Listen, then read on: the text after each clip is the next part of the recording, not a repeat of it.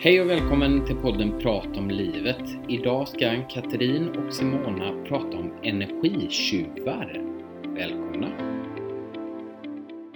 Det borde finnas bloopers, men det kan vi inte ta med i det här. Nej. Det kan vi inte. Vi kommer inte bjuda på det, men eh, ni kan säkert förstå. Vad ska vi prata om idag?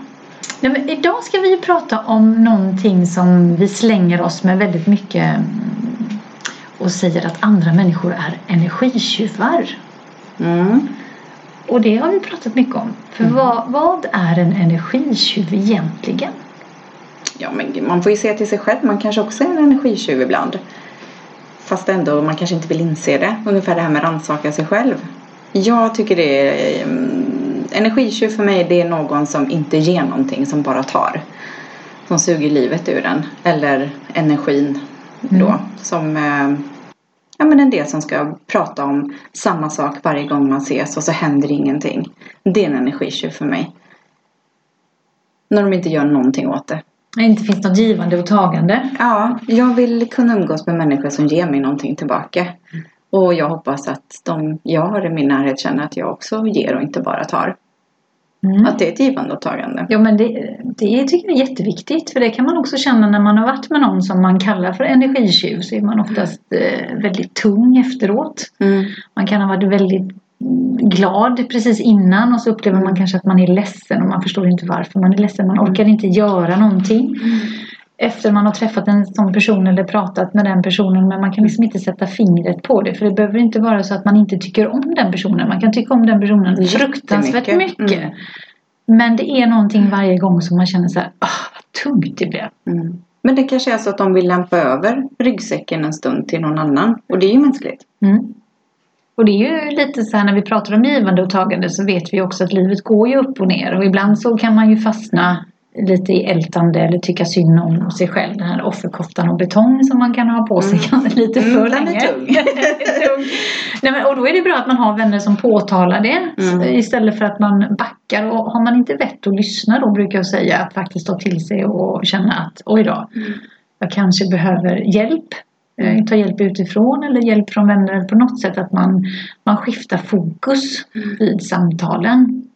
Men jag tänker när man väl börjar älta och har de här, om man har några bekymmer eller problem, att det tar ju en tid innan man får en insikt att man behöver hjälp. Och Mm. påtala det till någon kan ju vara känsligt, det kan vara att man kanske inte är där utan alla har ju liksom, livet händer ju hela tiden.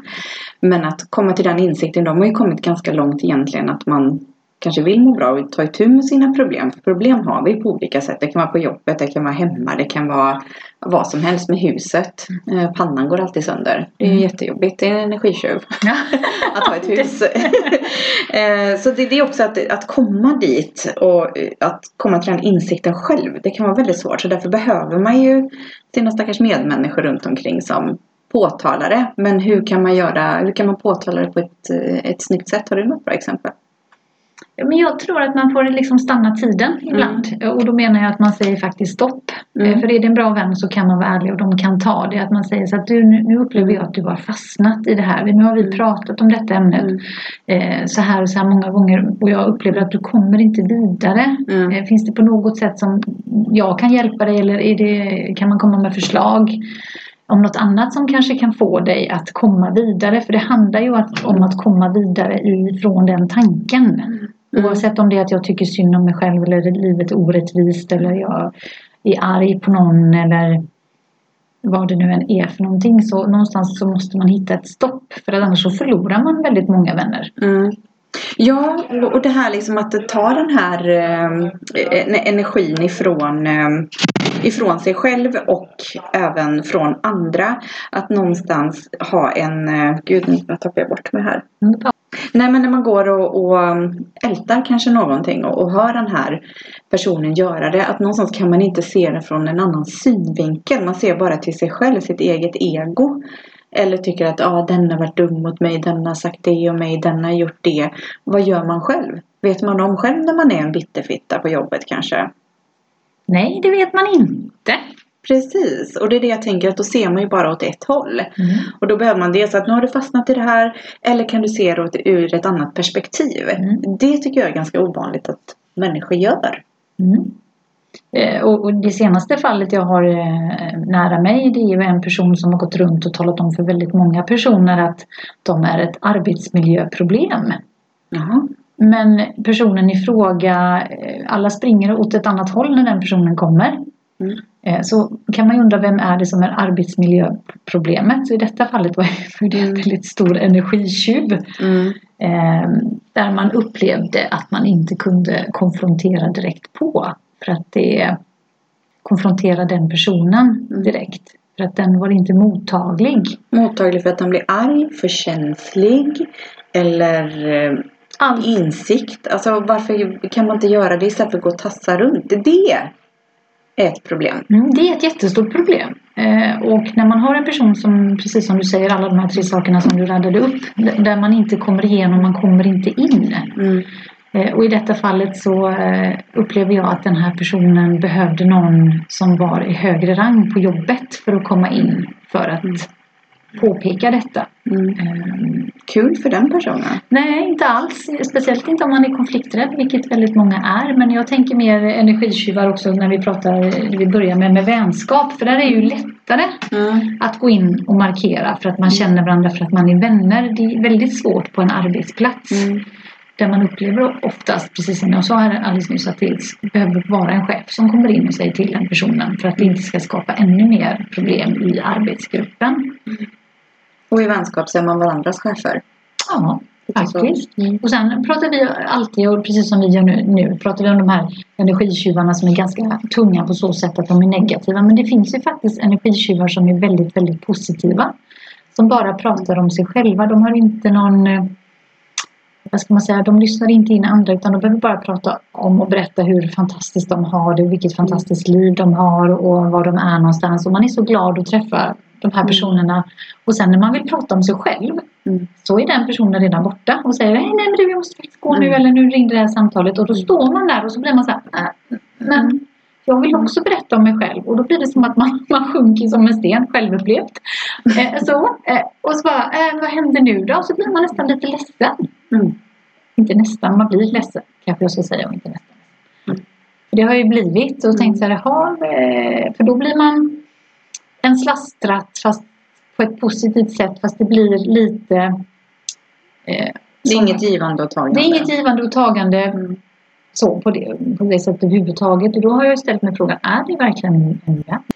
Ja, både ja och nej. För man ska ju, en vän ska man ju kunna ha i, i ur och skur och kunna liksom, man tycker om varandra ändå även om man har sina sidor. Men någonstans kunna reparera det kanske efteråt eller kunna ta upp det Mm. nästa gång man träffas. Så att du kommer att vara så himla glad så att jag fick inte berätta om det som hade hänt mig roligt. Det blir lite provocerande. Du kanske inte vill höra. Alltså det blir många tankar som Mm. kommer upp där. Mm. Men till en riktig vän så, så är det ju väldigt förlåtande.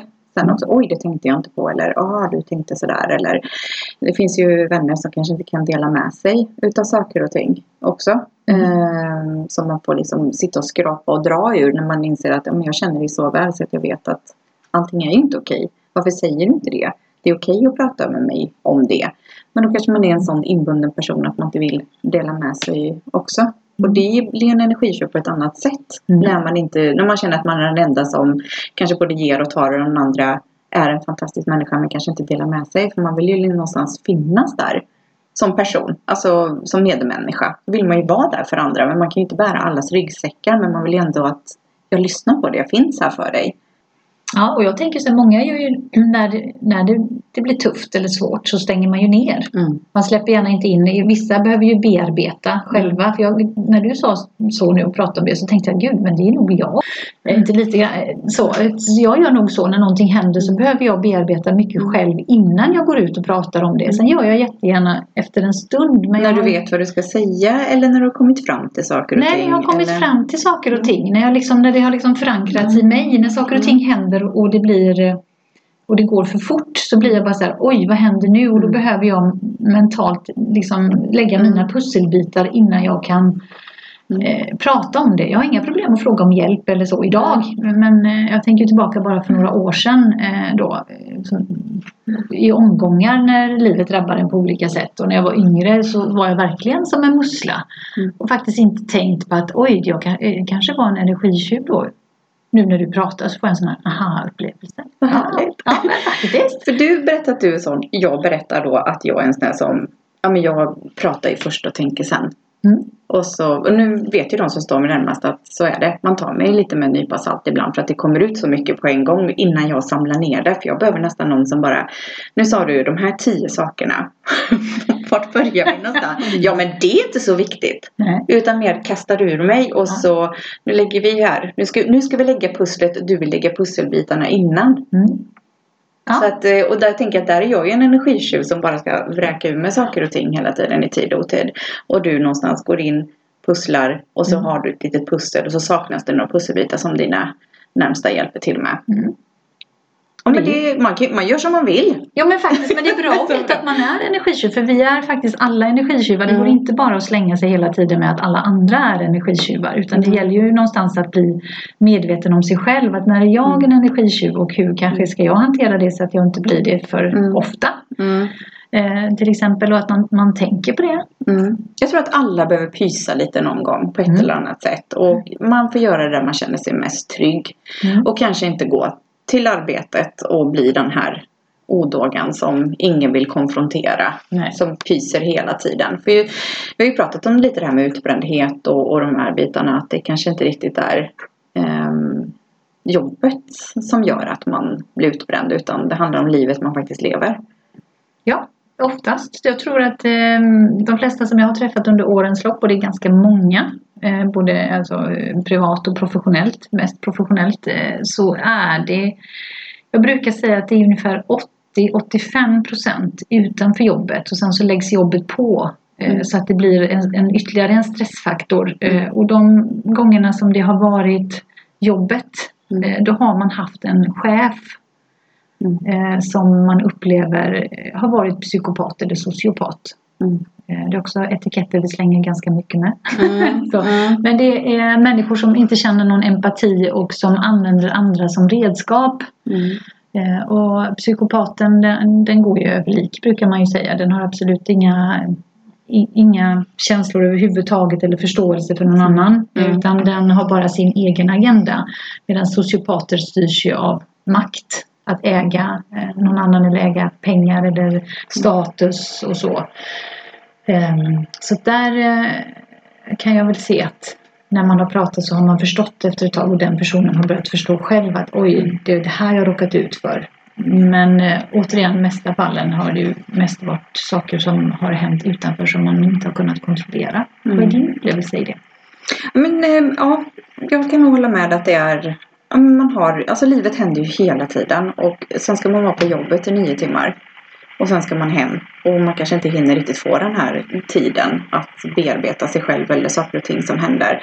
Och då kan jobbet upplevas som extremt stressigt fast det kanske inte egentligen är det som är problemet. Men man ser det inte utan det är lättare att skylla på jobbet än att faktiskt stirra ner i sin egen avgrund och inse att, att så här är det.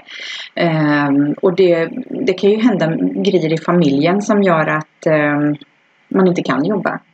Och någonstans då blir stressad över att ta upp det med eh, sin chef eller sin arbetsgivare att jag kommer inte kunna jobba för att det här och det här har hänt i familjen. Någon kanske blir jättesjuk och man ska hem och ta hand om. Någonstans bo i familjen först men så vill man göra rätt för sig. Man vill eh, ha sin karriär, man vill ha sin trygghet, alla de här grejerna. Så då blir det som jobbet eh, ondskan nästan.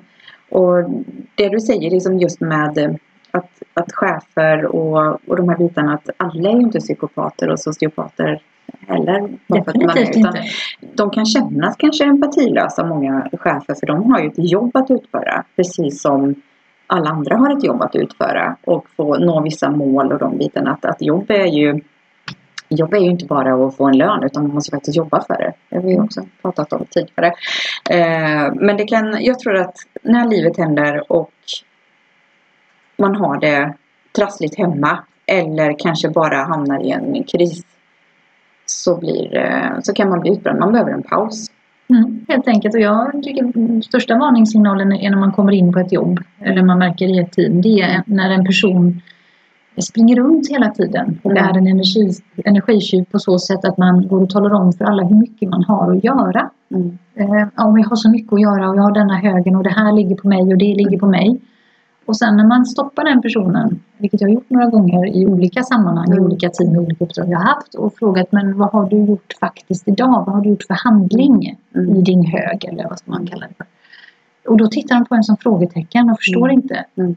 Vad menar du? Jag har ju jobbat hela dagen. Nej men vad har, vad har du gjort? För jag har ju sett Mm. eller jag har förstått att du har gått runt och talat om att du har så mycket att göra. Men vad har du faktiskt gjort? Mm. Eh, Där är en stor indikation om man börjar göra så. Eh, och folk tittar på en och tänker så här, men vänta kan du inte sätta dig ner och jobba precis som alla andra? Du tar tid av mig för jag behöver göra mina grejer. Och det slutar eh, oftast med, eller väldigt många gånger, att andra går in och hjälper som är klara. Eh, så, så att, och hjälper och städar undan kanske en jätte, jättehög. Och så tänker de, men nu har vi hjälpt den här personen, vad bra, nu kommer den liksom komma ikapp. För nu har vi gjort. Och sen så efter tre, fyra, fem veckor så är det samma sak igen. Och den personen får inte gjort någonting för att den är så Uppe blockerad. någon annanstans. Ja men precis, och då blir man en energitjuv. Mm. Jätte, en Och det är ju liksom många som blir utbrända. De kanske blir sjukskrivna i en månad. Men på en månad kan man inte reda ut sitt liv. Nej.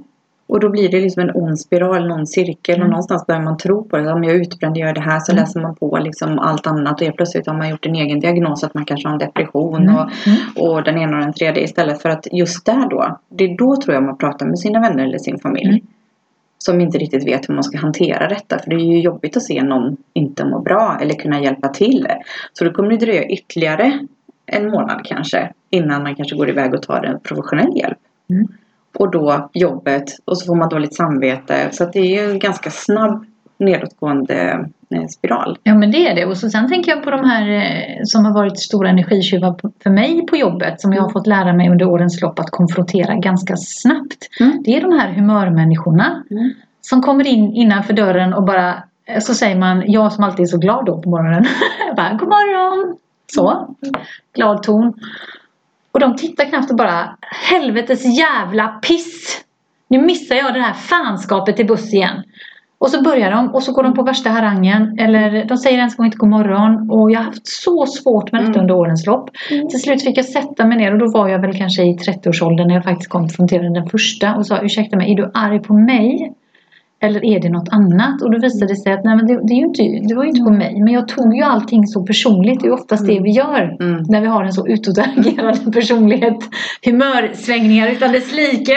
Precis. Eh, och det är en sak att lära sig när man, eh, Mm. när man känner väldigt mycket. Eller man känner in eh, mycket, eh, vad ska man säga? Ja, energier som vi pratar om. Precis. Men att också veta att skilja på att, eh, att det inte är mig den personen är på. För vi tar ju så lätt på oss själva och då blir det en energitjuv. Precis. Och jag tänker när du pratar om det så känner jag igen mig ganska mycket att man är kanske en humörmänniska. Det låter som att jag är arg varje dag. Det är jag verkligen inte. Men pyser. Jag pyser. Och det, man säger alltid god morgon och är jätteglad. Och sen så kan man berätta någonting. Men det är för att man känner sig trygg i sammanhanget på sin arbetsplats. Liksom. Idag händer detta. Eller ja, här går jag precis hämtat kaffe och hela tröjan är helt nedsölad. Helvetes jävlar. Och så drar man en harang. Eller om någon det har hänt något samtal på morgonen som man har haft med, med någon som har gjort att man bara så hur tänker människor ibland? Då pyser man ut det och sen går man vidare. Det är inte så att det fortsätter hela förmiddagen utan det här är kanske 10 sekunder. Och sen så är man jätteglad och så kan man prata om någonting annat. Och det är ju runt omkring så vet de att det är inte dem. För då vet de att då är man ju arg på dem. Och det är sällan jag blir arg på en person. Väldigt sällan. Utan det är ju händelser. 10 sekunder, pysa lite istället för att gå och trycka ner allting i sig.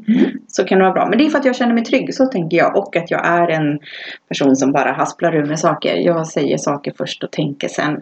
Så är det. det Ja, men det är bra för att veta, äh, veta för de som lyssnar faktiskt att hur kan man Mm. hantera och att det inte är personligt. Om, man, Mm. om man upplever att man har en sån energitjuv i närheten som Mm. man säger är en energitjuv. Mm. Så kan man ju faktiskt ställa frågan och då tror jag faktiskt man kommer få det svaret som du har gett nu Katrin. Mm.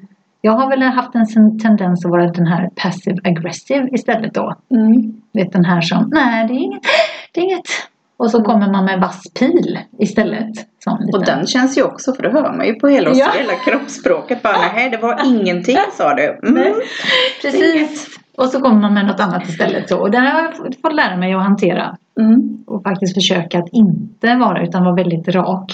Mm. Eh, så rak som jag kan vara hela tiden. Mm. Som jag upplever att jag, jag, att jag är transparent hoppas jag. Men det är ju inte alltid jag är i alla tillfällen. Nej. med just det som vi pratar om här, energitjuvar, att man känner att oj, nu var nog jag en energitjuv. Eller varför är den här personen en, en energitjuv? Att man identifierar det för sig själv, att man sätter sig ner och kanske och pratar med sig själv. Mm. Eller skriver ner eller hur, vad man nu väljer att göra. Men om man identifierar det så kan man också förhålla sig till det. Mm. Eller skriva en humördagbok i två veckor om du inte Mm. riktigt vet hur du själv är. Mm. Eller så, tänka lite, vad sa jag nu? Eller Mm. vad konstig stämning det blev i fikarummet här. Mm. Kan man också tänka. Men det finns ju de här energitjuvarna som eh, suger musten utav en, som tar själen. Mm. Där De det är ju ett område som eh, du kan väldigt bra som du jättegärna får dela med dig. Då tänker jag på psykopater, sociopater och narcissister. Ja, det är de här människorna som inte känner empati överhuvudtaget. Och vad är empati? Empati det är när man kan känna in sig i någon annans känslor. Att man känner när man ser att någon blir ledsen. Så kan jag känna alltså med dig. Eh, jag kan förstå att du har ont till exempel. Om jag ser att du blör eller att du slår dig så kan jag se. Mm. Eh, och jag kan förstå för jag kan känna känslan i mig att oj nu brände hon sig på plattan och jag kan faktiskt Mm. känna hur det känns. Mm. Eh, de här människorna kan inte det. Mm. De har inte det i sig och vissa säger att man eh, föds. Till exempel i amerikanska studier så säger man att psykopater de, de föds. Det är någonting i hjärnan som saknas. Medan sociopater och narcissister i detta fallet där är det miljön som, som skapar så att, det, att de saknar den här empatin. Och där brukar man ju också säga att både psykopater och narcissister eller psykopater och sociopater har narcissistiska drag, eller är väldigt narcissistiska. Men sen så finns ju de här som är utpräglat narcissister och behöver inte vara psykopater eller sociopater. Eh, och psykopater, vad ska man kunna förklara på ett lätt sätt? Det är, jag brukar säga att det, de är schackmästare. Mm. De spelar schack med människor och de är alltid flera drag eh, framför. Så det spelar ingen roll vad du drar, gör för drag så har de redan klurat ut det. Så att det blir alltid schackmatt. Mm. Och det är alltid de som vinner hur du än försöker att vända och vrida på det. Mm. Eh, och det är ju så svårt att förstå för de är ju väldigt charmerande Mm. i början. Men de, de, det är lite så här my way or the highway. Eh, så, och de fiskar in människor som har väldigt mycket empati. Eh, gärna delar känslor med dem. Man, tar, man liksom ger dem sina känslor och gör dem lite mer mänskliga fast man ser inte att man gör det. Och de har ju en tendens att eh, gallra ut ett rum. Om det står fem, tio personer där så hittar de den personen med mest empati Mm. eh, jättesnabbt. Det tar bara några sekunder. De har lite kontrollfrågor och de går inte fram till de andra som de inte kan ma- manipulera vill jag Mm. nog säga i, Mm. detta fallet. Och de gör det för sin egen vinnings skull. Mm. Eh, och ehm, för att själva komma framåt så att de använder folk som medel för att nå eh, status, pengar, makt eller vad det nu än är.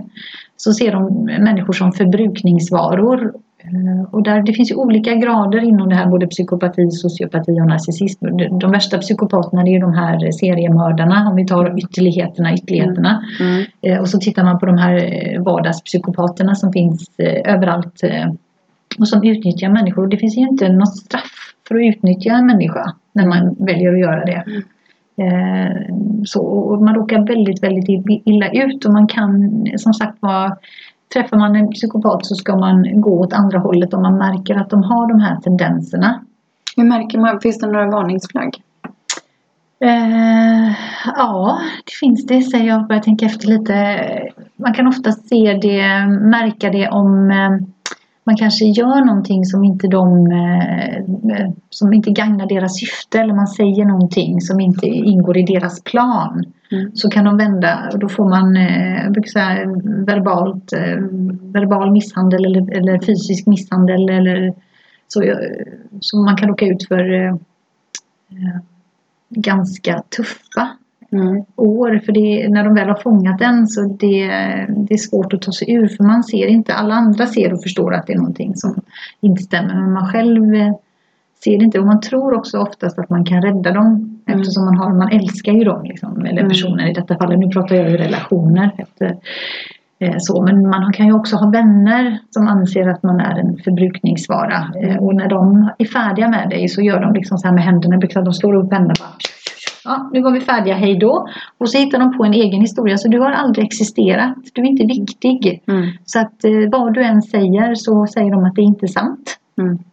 Eh, så där ska man ha livrem och hängslen. Eh, så att allting ska finnas på papper eller inspelat.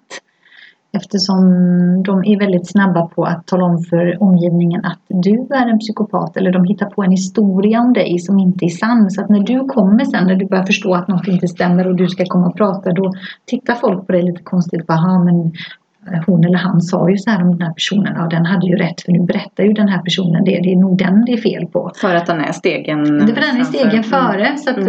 eh, man har väldigt svårt att, eh, om man ska uttrycka sig, vinna eller gå ut Mm. därifrån helt. Så att det Mm. enda man kan eh, göra det är som jag brukar säga när man gör inför lejon att- eller vilda djur. Man blottar strupen bara och så backar man.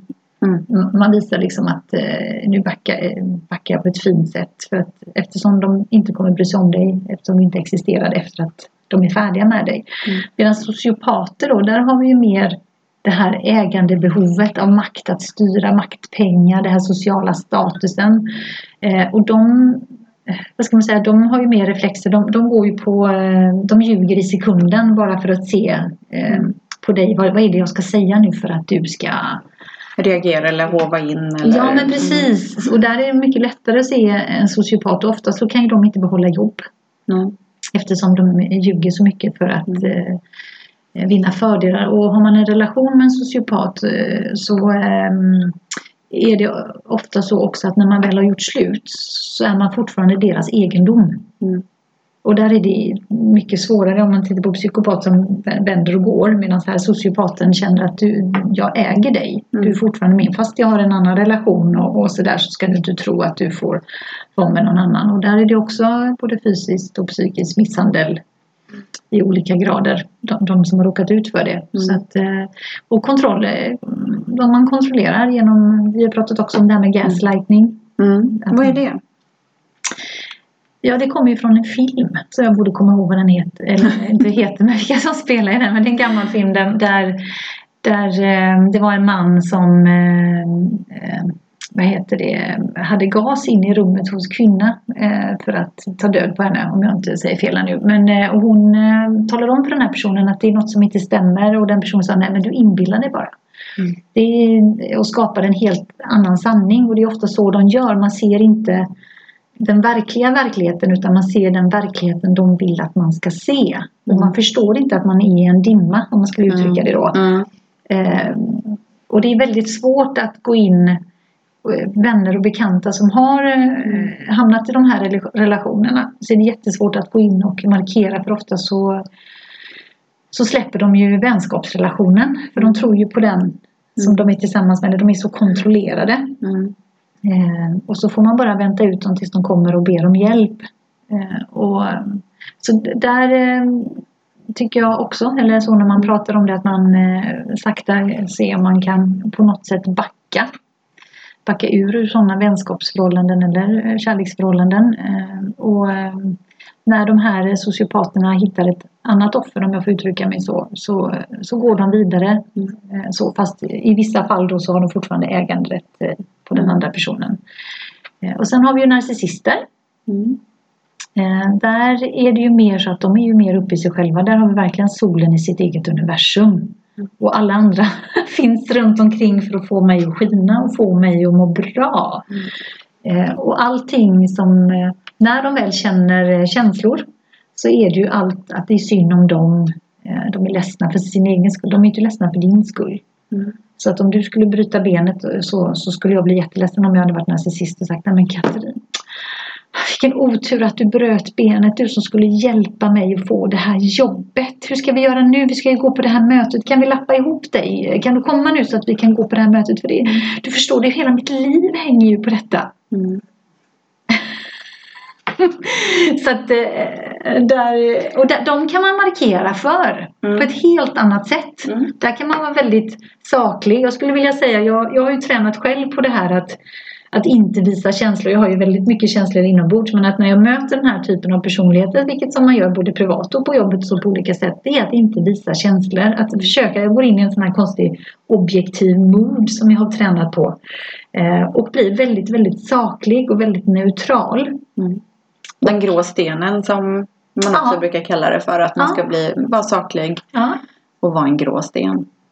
Så att, eh, och där har jag funderat lite grann på det här med, med narcissist. För att jag har det på väldigt nära håll. Eh, och tittar på det här. Kan det, kan det liksom eh, genetiskt överföras från generation till generation? Mm. Vad Finns det studier?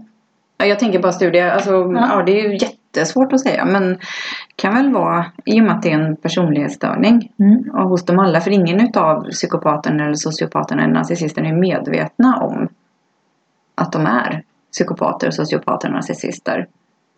Eller vet de det? Vissa, inte narcissisterna skulle jag vilja säga faktiskt, men vissa psykopater och sociopater vet om att de har eh, en eh, empatisk störning. Om jag säger så. För att Mm. det har jag fått höra från andra som jag har jobbat med, som vi pratade Mm. lite, och även på nära håll där faktiskt personen har uttryckt Mm. det. Att det är Mm. någonting som inte Att man, man jämför sig och kanske kommer till insikt också. Att, eh, att man har en empatistörning kanske. Och i detta fallet så brukar ju oftast då den här som är nära anhörig på något sätt eller vän eller kärlekspartner ofta säga nej men det stämmer ju inte. Mm. Nej men det kan ju inte vara sant. Jag känner ju dig. Mm. Du är ju så fantastisk. Så, och så tar man utan att ens bli medveten om att då tar man återigen hela sitt känsloliv och så lägger man det på två. Mm. Så man skapar ju känslor hos den andra som inte finns. Nej. Men de är ju ganska bra experter på att få den andra personen att känna sig galen. Eller att man inte är förvirrad, Mm. inte koll på läget. Och, mm, för du pratade ju om psykopaten som var tre steg, Mm. fyra steg, olika scenarier. Och, och de andra är som att de kan bryta ner en person. Liksom. Hur, hur kan den här resan påbörjas? Vad kan man se upp för innan man hamnar i för långt ner i den källan? Ja, det är ju så olika beroende på.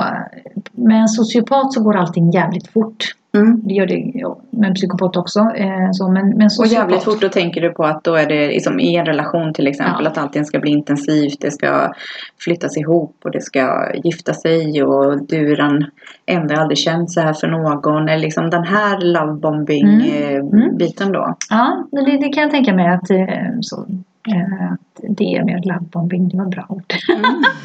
Nej, men det går jättefort. Man, Mm. man förstår inte, två veckor senare så har Mm. man eh, liksom gift sig, eh, köpt hus. Eh, man känner ju inte den här personen. Mm. Alltså det har gått jätte, jättefort. Man, man hinner inte med och sen när vardagen liksom sjunker in så undrar man vad är det man har gjort? För de blir ju väldigt, väldigt kontrollerande. Mm. Liksom, I vissa eh, fall är det så här, men du andas fel. Mm. Nu ska du, eller du, du, du ska äta på rätt sätt. Eller du ska... Det blir väldigt sån eh, Du kan ta kontroll. på dig de kläderna. Nej. Du kan inte umgås med dem. Du kan inte göra det. Och att det blir på den biten. Och då Mm. tänker jag liksom för de som, som lever i exempelvis en sån relation eller har såna eh, vänner omkring sig. Eller vänner känns ju lite svårt Mm. att kalla dem. Men bekanta. Att eh, någonstans se, alltså lyssna lite på magkänslan. Mm. Gick inte det lite för fort? Eller Mm. oj nu sa hon så för att hon har haft en dålig dag. Eller hur är humöret när jag kommer hem nu? Eller ehm, för att någonstans så kanske de tror att det är ens eget fel. Mm. Att, man, att man gör de här sakerna för att man har fått den, den känslan. Och där blir ju en så här, tankevurpa när man försöker tänka sig in lite i det här då. Att hur, eh, hur hamnar man där? Ja, men jag tror eftersom de är så, så eh, duktiga med både gaslightning och lovebombing. Det här eh, att, eh, för allting är ju ditt fel. Mm. Du ska Man är vara oftast jag... överkänslig och Ja. att man kanske kan vara så liksom att eh, ja, jag känner dig bättre än vad du Mm. känner dig själv är ju väldigt vanligt. Mm. Att de och någonstans så kanske de här personerna litar på de här människorna för att ja, man lever tillsammans och bara nej men då ska jag göra som du säger för du verkar ju ha koll liksom på läget. Och det är ju det här när de piskar in också där. Det, det är bara du som förstår mig. Det är ingen annan som förstår mig som du. Mm. Bara du kan stå ut med mig. Mm. Du förstår mig. Liksom alla, alla de här... Eh, eh, och sen vänder det ju. När, de, när man de upplever att nu kan jag inte kontrollera så är det, ja, men det är ingen annan som vill ha dig. Du ska vara glad att du har mig. Mm. Det är ju ingen annan som vill ha dig. Titta, du, du som är så ful. Typ, Mm. eller något annat. Så här, Mm. elak, elaka kommentarer. Och, och tillräckligt, när man har varit tillräckligt länge. Så, alltså det är ju så här när man bor ihop med någon eller man har en förälder eller syskon eller vad som helst. Så, eh, så pågår ju detta under lång tid den här att bryta ner, brukar säga, man, de bryter ner själen. Mm. Ehm, och psykopater, om vi ska gå till dem, så är de ju lite mer, de är ganska snabba också men, men inte riktigt som sociopat som jag upplever det utan de är mer, de fiskar in.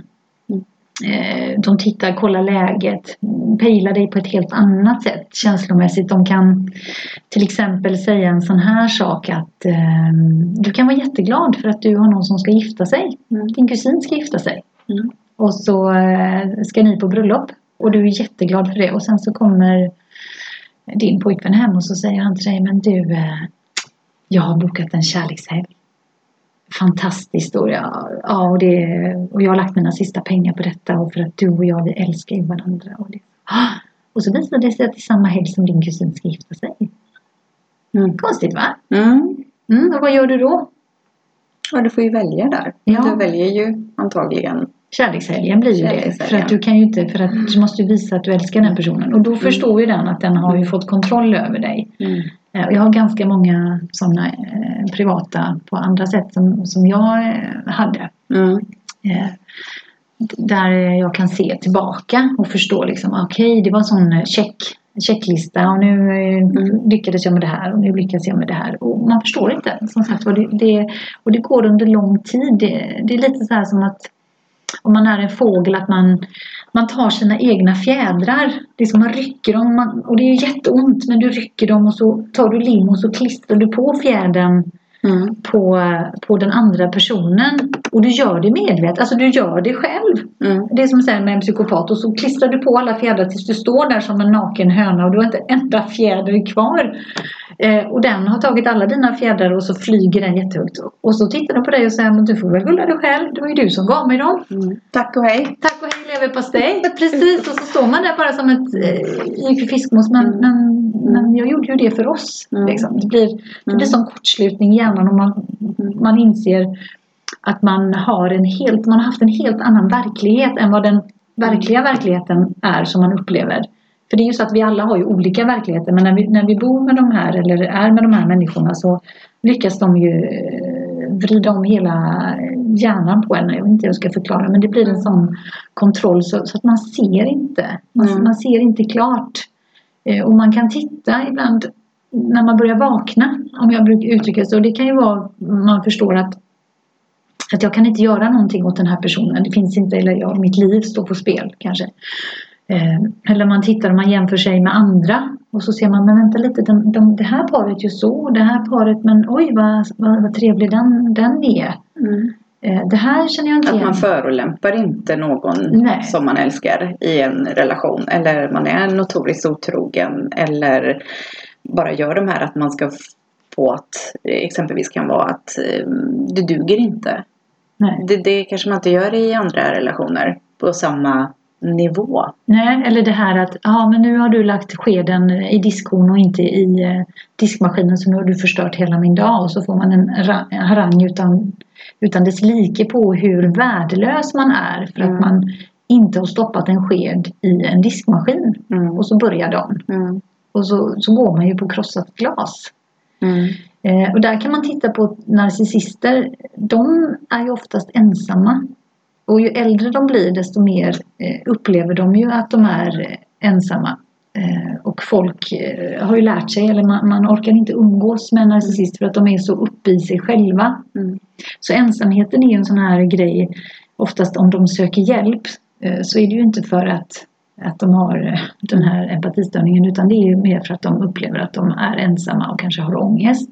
Mm. Medan, eh, vad ska man säga, en psykopat kan ju söka hjälp kanske på grund av ett beroende. Mm. Alltså eh, alkohol eller droger eller vad som helst. En sociopat skyr ju skyr all typ av eh, hjälp. Alltså det här med parterapi och sådana här grejer, det finns ju inte på deras karta liksom. För det är ju inget fel på dem eftersom de är ju så fantastiska eh, som de är. Men däremot så har man ju faktiskt gjort studier, jag läste om att eh, när de väl väljer att gå, eller om låtsas gå då, för det är inget fel på dem, då är det för att de ska kunna få mer verktyg till att manipulera andra. Så de använder det. Mm. Och då tänker jag ju på den här tv-serien Sopranos. Ah, Han maffialedaren som kom till psykolog för att han, han var deprimerad. Hans Mm. gäst hade flygit, flugit iväg från poolen. Ni, ni som har sett eh, Sopranos. Sopranos vet vad jag pratar om. Där har vi ett sånt praktexempel liksom, Mm. på hur, hur snett det kan vara. Hur vanligt är det här? Jag tror det är mer vanligt än vad man tror. Och nu pratar jag olika grader. Alltså, Mm. Då kan jag prata om att folk kanske har en, några små procent till 100 procent av kanske det här då. Jag tror att eh, men jag tror också att vi slänger oss ganska lätt med det. Det blir en sån Mm. nästan, ja men han är en psykopat eller hon är en sociopat, en narcissist. Mm. Fast kanske är de bara en energitjuvar som vi pratar om, Mm. de här lite harmlösa eller harmlösa harmlösa. Det kan man ju diskutera men att man upplever energitjuvar medan de här, återigen, eh, som jag brukar säga, de, de tar inte din energi, de tar din själ. Mm. Och de stannar ju, du förklarade ju lite för dem att de, när det gäller relationer så hittar de snabbt ganska nästa person. Mm. Så de har ju aldrig rannsakat sig själva och någonstans har en förståelse utan har ju sina mönster och det väl beprövade eh, begrepp och rutiner som de, när de fiskar som du säger. Ja men precis. Eh, så att de struntar ju helt fullständigt i att någonstans blicka inåt och vad var det som gick snett här eller vad Ja, men det vara. finns ju inte. För det är Nej. ju inget fel på dem. Alltså, det är ju Nej. den här Mm. grandiosa bilden de har av sig själva. Att de är så Mm. perfekta. Mm. Och där är också, du, skulle du argumentera med en, en psykopat eh, eh, argumentera med någon som har eh, psyko, psykopatiska drag Mm.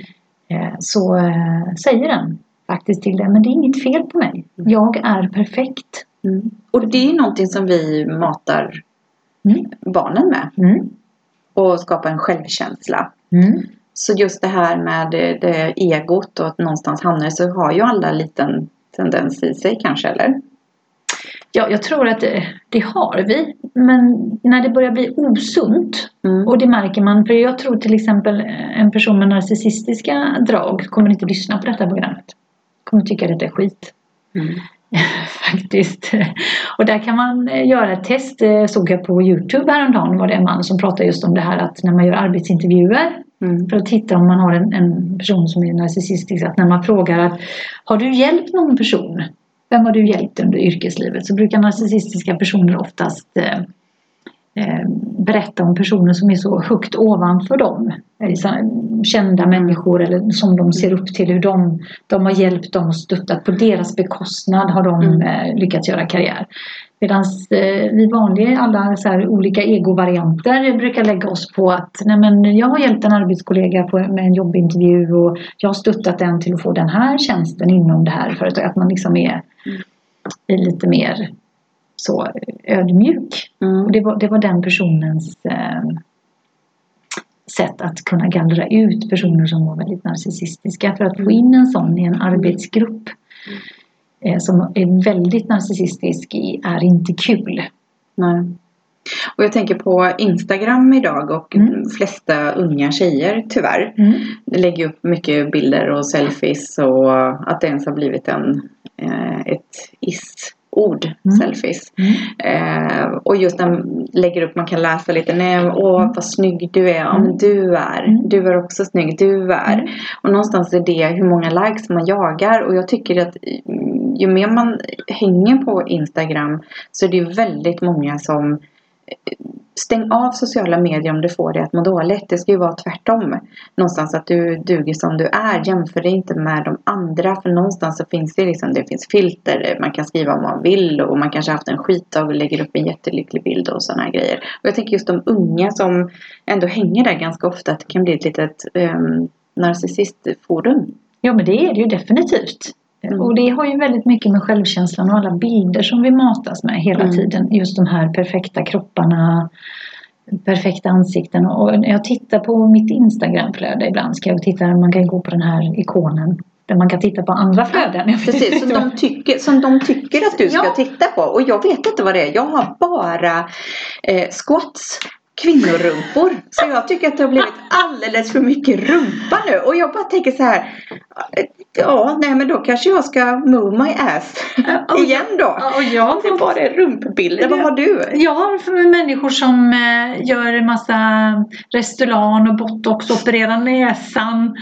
Kvinnor i 50 plus då eftersom jag är 50 som du vet man ser halva ansiktet jätterynkigt och, och sådär och sen andra halvan är du vet perfect Kardashian face liksom. Eh, när det är lite filter och så på. Så det dyker upp i min eh. Instagram. Så när har du din tid bokad? Ja, precis. Mm, ser om eh, fyra veckor. Ja, nej men det, det är, man får ha lite koll tänker jag också för, eh, för barn. För jag menar, eh, de har ju inte alla verktygen och har man då kanske haft en, eller har en psykopat, sociopat eller nazistisk förälder eller morförälder eller farföräldrar så är det ju som att om det är genetiskt Mm. eller om det är någonting som läggs på. Alltså i uppfostran eller någonting så att man någonstans kan ha arbete. Vet inte Ja, ja, men jag tänker så här lite på nära håll när jag tittar på, på bekant, eh, bekanta som jag känner till och, och tittar sådär. Och där har vi ju en förälder som är supernarcissistisk som, som har valt att höja det ena barnet till skyarna och det andra är ingenting. Eller ingen. Mm. Så. Eh, varpå det här barnet som har höjts till skyarna som är vuxen idag har ju supernarcissistisk själv. Eh, och där kan man se att den föräldern och den, det barnet liksom, de, de krockar, de går inte ihop för att eftersom de vill ju vara i centrum Mm. och allting ska kretsa kring dem så, så det, det går inte att de... eh, de Så två narcissister, två psykopater och två sociopater kan inte leva tillsammans eller vara vänner eller det krockar alltid. Ja, det vet jag faktiskt inte. Det kan säkert ha hänt. Eller vad ska man Mm, säga? Jag tror ja. det har med olika grader att göra. Mm. Eh, Jag tror att det är eh, när man tittar på eh, återigen det här med narcissister och just det här med deras beteende eh, så är det ju så att de spelar ju alltid ut barnen om man har en förälder eller om man är vän. De pratar väldigt mycket illa om andra människor och spelar ut eh, varandra mot varandra som man inte ska vara vänner för att de vill alltid vara i centrum så de blir lite som puppet masters liksom att de eh, Mm. och så, så kan man tänka om man har en sån person i sin närhet som eh, alltid pratar illa om andra människor och trycker ner eh, så kan man tänka sig vad säger de om mig då när jag går därifrån om det är det som är fokus. Mm. Eh, och just narcissister har också den här tendensen att, att säga att alla andra är avundsjuka på dem. Fast de är ju avundsjukast själv. Och där kan de gå in och förstöra ganska mycket. Om de är avundsjuka på en person så kan de eh, göra en väldigt stor skada på så sätt att de pratar illa eller pratar ner de här personerna på jobbet eller privat. Mm. Och så förstår man inte själv vad som händer för att det är viktigt att du får inte berätta detta för någon men du vet att han, han är ju sån här, han har gjort det här. Men säg inte det. Mm. Så oftast så, så kommer man inte på det förrän efteråt och när man sätter sig ner och pratar några stycken Mm. och då börjar man identifiera att aha, men det är ju den här personen som har skapat den här dramatiken. Det är ju den här personen som för att den behöver vara i fokus och narcissister har ju inga problem att ta åt sig äran. Så, och går någonting fel, och där har vi på alla de här tre som vi pratar om, där, psykopater och sociopater också, att går någonting fel så är det ditt fel. Det spelar ingen roll att de gör, du ser att de gör saker och ting. Men det är fortfarande ditt fel för du tittade på och sa ingenting. Alltså de hittar vinklar och vrår. Och just den här snedvridna Mm. bilden om sig och själva. Mm. Och just det här egot, att eh, manipulerandet, eh, det elaka Mm. och sen vara superskärmiga när det passar dem Mm. och kunna göra de här, men verkligen suga själen ur, Mm. eh, ur människor omkring dem. De ser ju inte det själva. Eller jag kanske inte är medveten om det. Nej, jag var på en begravning en gång för några år sedan. Och där eh, kom det en person eh, som är supernarcissistisk och höll hov. Så att eh, det var jättetrevligt för vi skrattade allihopa för att den personen höll hov och, och så. Men den personen var i centrum på en helt annan persons begravning där i detta fallet en änka satt och såg helt förstörd ut och var jätteledsen och där satt den här narcissistiska personligheten och Mm. bara liksom Mm. Skrävlade som det heter Mm. om sig själv och sina bravader och, Mm. och sådär liksom. Och det, ibland så blir det lite smaklöst kan Mm. jag tycka i de här fallen. Jag tänker, är, det, är, de, eh, är de osäkra? De här personerna, eller personligheterna?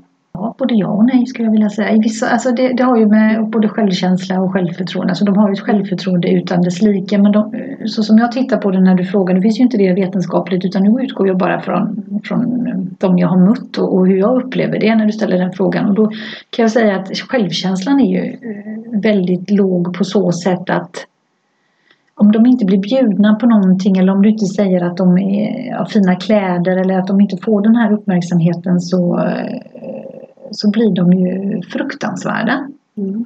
För det är bekräftelse de oftast Ja, skäms, söker. skäms du över mig? Jag blev ju inte bjuden. Skäms du över mig? Mm. Eh, nej. Ah, Varför bjöd du inte mig då? Mm. Eh, nej, för det var inte rätt forum kanske man säger. Eller något. Alltså man har inte... Mm. eh, Mm.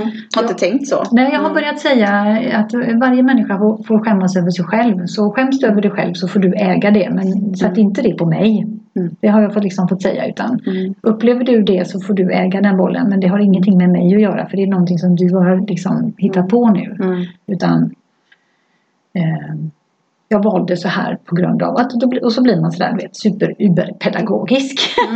Mm. och så kan de liksom inte och är det narcissist så brusar de oftast upp, ber en dra åt helvete, slänger på luren i telefonen för de klarar inte, de klarar inte av att hantera det när man blir sådär saklig. Mm. Sen tar det några månader ibland, några veckor och sen så ringer de och så är det precis som att ingenting har hänt. Mm. Nej, men hej, hur mår du? Vad roligt. eh, Hur har du haft det? Och, och då tänker jag så här, ja nu är det någonting. Nu vet man, nu snart kommer det, snart kommer det. Jo du, jag behöver den här tjänsten. Du, du känner ju den här personen Mm. eh, som jag skulle behöva ha kontakt med.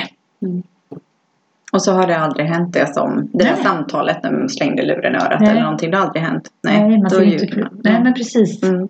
Nej, Då Då är man överkänslig. Ja, överkänslig också. Överreagera. You are oversensitive. Mm. Så det finns ju lite olika eh, sätt. Eh, Och jag tror att nu när vi pratar om det att eh, också vad vi vill förmedla till er som lyssnar är att faktiskt sätta er ner och titta på återigen de här light-energitjuvarna om jag kan uttrycka mig så och sen de här som kanske inte är så sunda energitjuvar och hur, hur man kan förhålla sig till dem ifall man har dem i närheten, släkt eller så. Släkt Mm. väljer man ju inte, det får man ju på köpet men vänner eh, och bekanta kan man ju välja själv och då kan man också välja förhå- förhållningssätt vill jag påpeka. Eh, svårare med en psykopat och sociopat. Definitivt jättesvårt kanske jag ska säga. Eh, och jag eh, av egen upplevelse skulle säga att man borde backa ganska snabbt därifrån. För Mm. man kommer inte därifrån hel. Nej. Och jag tror också att det är det här med att, att rannsaka sig själv också. För att inse om man är en energitjuv, om man tycker att man känner sig kanske ensam eller inte lyssnad på. Att någonstans tänka hur, hur, hur är jag mot andra? Vad förmedlar jag? Att man tar sig en liten titt i det också. Um, ger jag energi? Vem har jag hjälpt idag? Vem har jag gett en komplimang? Eller har jag bara tagit energin ur, ur rummet? Mm. Och vad bjuckar man med på där? Men lite som du, det här med att backa och spring om man träffar en eh, psykopat, sociopat eller narcissist så finns det väldigt mycket information. För det är någonting som lyfts mer idag. För att det, de finns ibland oss överallt. Eh, och känner du någonstans att det är magkänslan, att det går lite för fort eller en person som alltid pratar ner någon annan eller det är aldrig dens fel och det här grandiosa som du pratar om så eh, prickar den in flera stycken på den där checklistan så backa. Det finns massa test att göra på nätet. Nu när du Mm. pratar om det så man, det finns alla, alla tidningar har väl haft någon så här, är du tillsammans med en psykopat eller sociopat eller narcissist och så kan man gå in och så kan man göra lite Mm. check, checkfrågor och de är, det är bra. Så att, Och då är det ju kanske mer, alltså det kanske är en som inte ska stämma. Så att man inte alla går och tror att de nej. har de här personerna omkring sig. Men visst, lyssna på magkänslan. Tack för att du har lyssnat på oss idag och fått med dig någonting utav det vi har delat med oss och kanske känner igen dig och kanske reflekterar lite. Och vi tar jättegärna emot eh, feedback eller frågor eh, som vi tänker samla ihop i ett eh, enskilt avsnitt. Och det går bra att mejla till katrin och simona gmail.com och vi finns också på Instagram där det också går att skicka meddelanden och hoppas att du lyssnar på nästa avsnitt.